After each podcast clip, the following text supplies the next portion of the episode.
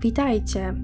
W dzisiejszym odcinku chciałabym opowiedzieć Wam o pewnej dawnej polskiej sprawie kryminalnej, która była tak niewiarygodna i pełna zwrotów akcji, że można by ją uznać za scenariusz do filmu.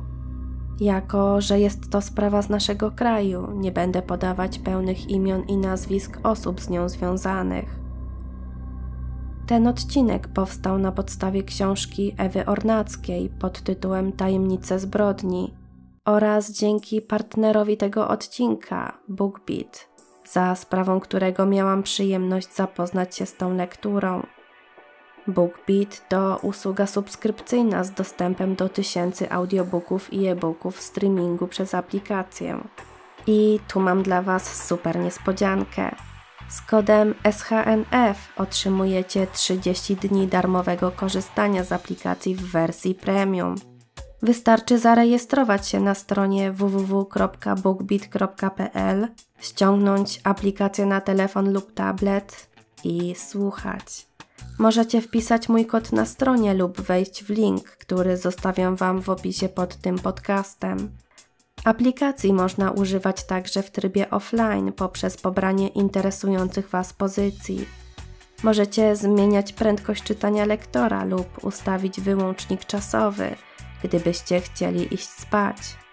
Polecam serdecznie, szczególnie tym zabieganym, bo gdy gonią obowiązki, to wystarczy zarzucić słuchawki na uszy i już można cieszyć się kolejną ciekawą książką w wykonaniu profesjonalnego lektora. Jeśli chodzi o rozliczenie, to wygląda ono następująco. Podpinamy swoją kartę i płatność jest automatycznie ściągana co miesiąc, a cena zależy od tego, jaki pakiet wybierzemy. Przy skorzystaniu z kodu, który daje miesiąc słuchania za darmo dla nowych użytkowników, wystarczy przed upływem 30 dni odpiąć kartę, aby nie pobrało płatności. Dzięki BookBeat będziecie mogli między innymi przeczytać lub posłuchać książki z dzisiejszego odcinka. W Tajemnicach zbrodni autorka przedstawiła wiele polskich spraw kryminalnych, w których o rozwikłaniu decydowały błahostki lub niewiarygodne sploty wydarzeń. Nie mogłam uwierzyć w niektóre zbiegi okoliczności. Książka jest niezwykle wciągająca i bardzo szybko się ją czyta. Zawiera nawet zdjęcia z akt sprawy, ale spokojnie, nie są drastyczne. Pomagają lepiej zobrazować sprawy kryminalne, o których jest mowa. Polecam serdecznie. A teraz przejdźmy już do odcinka. Historia, o której Wam dziś opowiem, miała miejsce w 1990 roku. W październiku, w dzień wyborów prezydenckich, pewien mieszkaniec Dołżycy koło Cisnej podczas spaceru z wnukami odnajduje w rowie sporą drewnianą skrzynię, która wzbudza jego zainteresowanie. Mężczyzna postanawia sprawdzić, co jest w środku. Niestety, drewniane pudło okazuje się trumną starszej kobiety, której ciało ułożone było w nienaturalnej pozycji z mocno podkurczonymi nogami. Na szyi denatki widnieją wyraźne ślady duszenia. Mężczyzna wzywa policję. Na miejsce zjawiają się policjanci z Krosna, a potem także lekarz. Patolog stwierdza, że zgon nastąpił 24 godziny wcześniej, a kobieta prawdopodobnie miała jakieś 60 lat. Jeden z funkcjonariuszy dostrzega nietypowe rany na dłoniach. Kciuki kobiety wyglądają jakby do czegoś przymarzły, a potem zostały oderwane. Ranne palce oraz nienaturalna pozycja ciała wskazywały na to, iż kobieta po śmierci była trzymana w chłodni. Zatem zgon mógł nastąpić w zupełnie innym terminie niż wstępnie ocenił lekarz.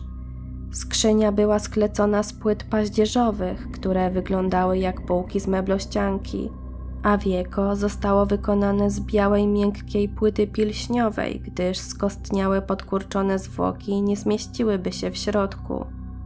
Trumna obita była brązowymi i żółtymi listwami. Widać było, że to robota amatora. Koło drewnianego pudła widoczne były ślady opon. Po rozstawie osi policja zidentyfikowała samochód. Ślady należały do malucha. Najważniejszym jednak pytaniem było to, kim jest kobieta ze skrzyni. Policjanci rozpoczęli poszukiwania w bazie ze zgłoszeniami osób zaginionych, jednak na nic nie trafili.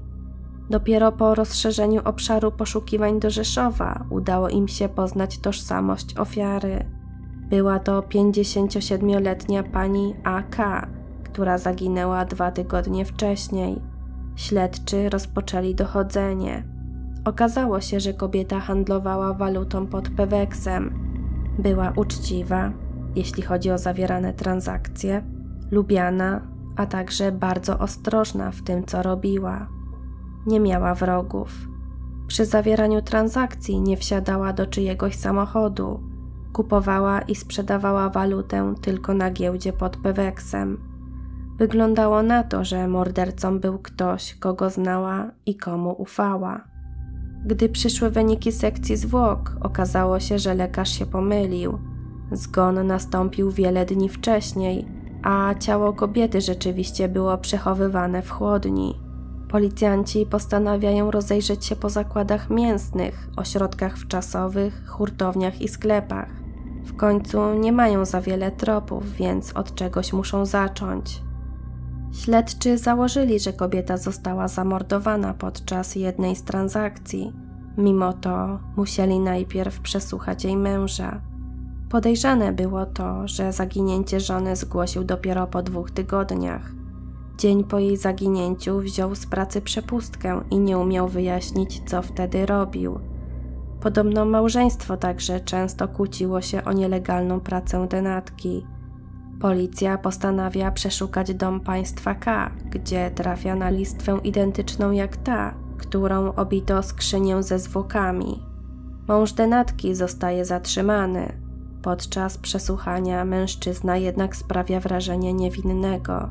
Widać było, że cierpi. Na pytanie, czemu nie zgłosił zaginięcia żony wcześniej, odpowiedział, że nie chciał robić jej problemów, bo handel walutami był nielegalny. Śledztwo staje w martwym punkcie. Mijają miesiące, a policja błądzi po omacku. Niespodziewanie jednak pewnego dnia dochodzi do kolejnego napadu na osobę z dolarowej giełdy, także kobietę. Zostaje pobita. Policji udaje się w ostatniej chwili sporządzić z nią portret pamięciowy napastnika. Niedługo potem kobieta umiera. Śledczy mają nadzieję na przełom, nagłaśniają tę sprawę nawet w mediach. Postanawiają w tym celu ściągnąć ekipę programu 997. Liczą, że jak o wszystkim opowiedzą i pokażą portret pamięciowy podejrzanego, to widzowie pomogą go zidentyfikować. Wierzyli, że to ten sam człowiek, który zabił panią AK. W końcu nadchodzi dzień zdjęć do programu. Jest styczeń 1991 roku. W Bieszczady przylatuje helikopter z ekipą z Warszawy. Filmowcy chcą na sam początek zobaczyć góry z lotu ptaka. Na pokładzie helikoptera leci 10 osób, między innymi pilot, operator kamery, dźwiękowiec i policjanci prowadzący tę sprawę. Mają ze sobą portret pamięciowy. Gdy znajdują się jakieś 100 metrów nad ziemią, wybucha zbiornik z paliwem, a helikopter eksploduje. Wszyscy giną w tej katastrofie. To także katastrofa dla śledztwa. Wśród ofiar byli policjanci, którzy jako jedyni znali szczegóły tej sprawy. Ich śmierć paraliżuje całe śledztwo i szanse na znalezienie mordercy są naprawdę nikłe. Partner jednego ze zmarłych policjantów prowadzących tę sprawę postanawia ją przejąć i rozwiązać. Bardzo cierpi po stracie przyjaciela, ale czuje się w obowiązku, by doprowadzić ją do końca. Nawet pomimo swojej szczątkowej wiedzy odnośnie tego śledztwa, nie poddaje się. Pamięta jedynie tyle, że jego partner mówił o chłodniach spożywczych, robił listę miejsc z zamrażarkami i do nich wydzwaniał. Policjant postanawia podążyć tym tropem. Udaje mu się nawet dość szybko wytypować pierwszego podejrzanego, jednak chwilę później dzieje się coś, co momentalnie zmienia cały bieg śledztwa. Przejeżdżając przez ulicę Lenina, śledczy dostrzega drewnianą reklamę na budynku bufetu ZDZ-u, która mocno przykuwa jego uwagę. Początkowo sam nie wie dlaczego, jednak po chwili zastanowienia dostaje olśnienia. Szyld przypomina mu do złudzenia fragment skrzyni, w której pochowano kobietę. Kolory farby są identyczne. Mężczyzna wzywa na miejsce kolegę z pracy i podekscytowanym głosem oznajmia, że chyba coś ma. Gdy mężczyźni wchodzą do budynku, widzą kolejną reklamę, która obita jest listwami, takimi samymi jak te od trumny. Postanawiają poszukać osoby, która prowadzi bufet. W międzyczasie dowiadują się od jednego z klientów, że agent to świadek Jehowy, który serwuje pyszne pyzy z bigosem. Na to danie do bufetu schodzą się wszyscy handlarze z giełdy. Pani Aka również tutaj bywała i bardzo lubiła tego ajenta. Mężczyzna jest uprzejmy, ma 23 lata i żonę w ciąży. Śledczy dowiadują się od jego sąsiada, że ajent ostatnio chwalił się, iż nieźle zarobił na handlu drewnem z państwowych lasów. Dzięki temu udało mu się nawet zmienić auto. Malucha na poloneza, co w tamtych czasach było luksusem.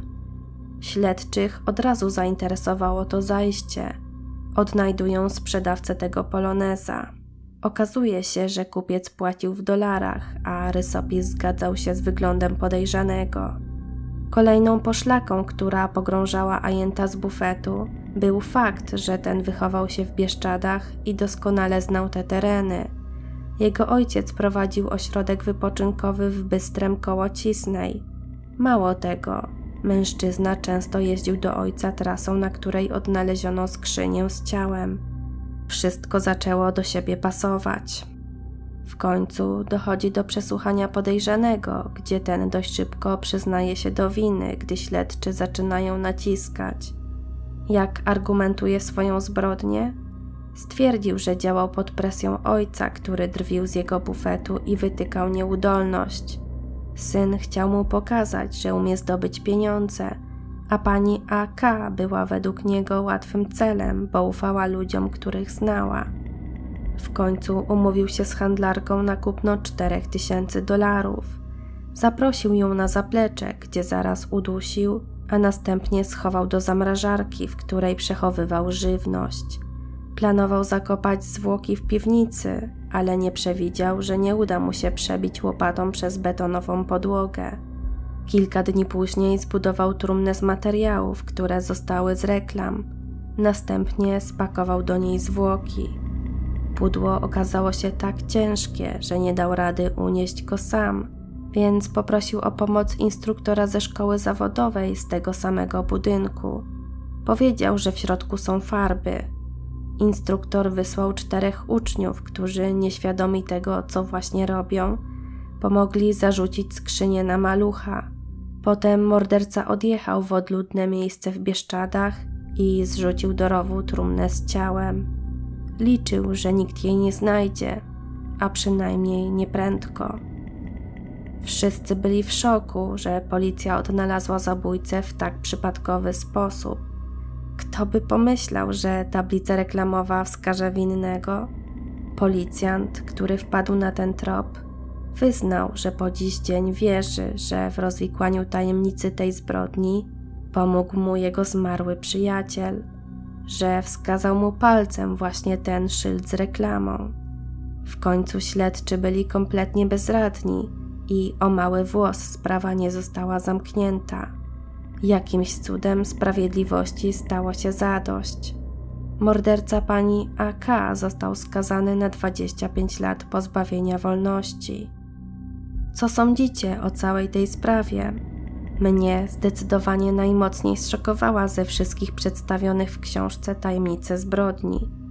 Nie słyszałam jeszcze o takiej sprawie, gdzie rozwiązanie pojawia się nagle praktycznie znikąd. Może rzeczywiście maczał w tym palce ktoś z zaświatów? Kto wie? Na koniec chciałabym przypomnieć Wam jeszcze o kodzie SHNF który na Was czeka i da Wam 30 darmowych dni na wypróbowanie aplikacji BookBeat. Link do prostej rejestracji znajdziecie w opisie odcinka. Serdecznie polecam. Tymczasem ja się z Wami już żegnam. Do usłyszenia w kolejnym odcinku.